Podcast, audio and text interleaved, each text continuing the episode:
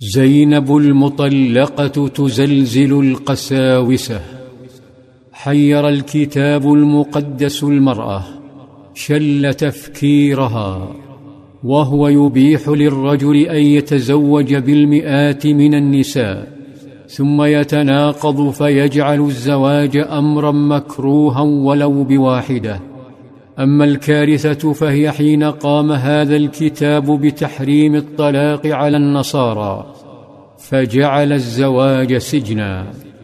وليس الضحية هنا هو الرجل كما يبدو بل المرأة لأنه يحكم على المطلقة بأنها زانية وأن من يتزوج بمطلقة فهو زان وهي زانية. ما ذنبها إن كان زوجها ظالما لا يطاق. كيف يعقل أنها إن بقيت دون زواج تعد زانية وإن تعففت بالزواج تعد زانية؟ أليست هذه الحيرة تجعل الحرام كالحلال؟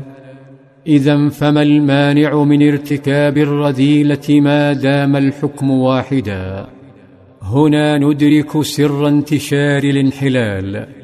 ندرك لما المرأة عندهم تبتعد كل يوم عن دينها وأنه مهما بلغ إيمانها به فلن تستطيع الالتزام به. لتأتي المدنية فتؤجج هذا الانحلال. بعث محمد صلى الله عليه وسلم فقدم خديجة المطلقة على أنها أفضل نساء الأمة وزاد تكريم الإسلام للمرأة حين جعل المطلقة زينب المرأة الوحيدة التي زوجها الله وزوجها من سيد البشر. في النصرانية الزواج بالمطلقة رجس وفي الإسلام تقول المطلقة زوجني ربي. لم يكتف القساوسة بقتل المرأة. اتجهوا لبنات الأنبياء فقذفوهن بالزنا. ثم تطاولوا على الأنبياء كالنبي داود الذي وصفه القرآن بالأواب ووصفته السنة بالصوام. فقال صلى الله عليه وسلم أفضل الصيام صيام داود يصوم يوما ويفطر يوما. يشوه الكتاب المقدس هذا النبي العظيم فيقول إنه نظر في بيت جاره وقائد جيشه اوري الحثي فشاهد زوجته فأعجبته. فطلب من الجند إحضارها ثم اعتدى عليها مرارا حتى حملت. ولما أحس بشناعة عمله أمر بقتل زوجها وأبقاها في قصره فولدت ابنه سليمان.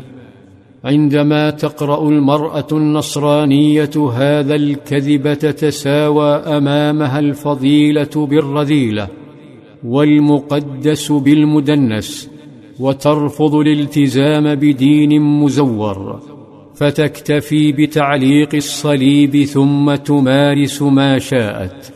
فقد ضيع القساوسة الحقيقة بتزويرهم وشوهوا القدوة وقذفوا المرأة في جحيم التناقض.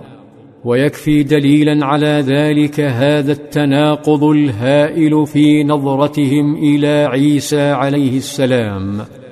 فاليهود يرونه ابن زنا والنصارى يرونه إلها.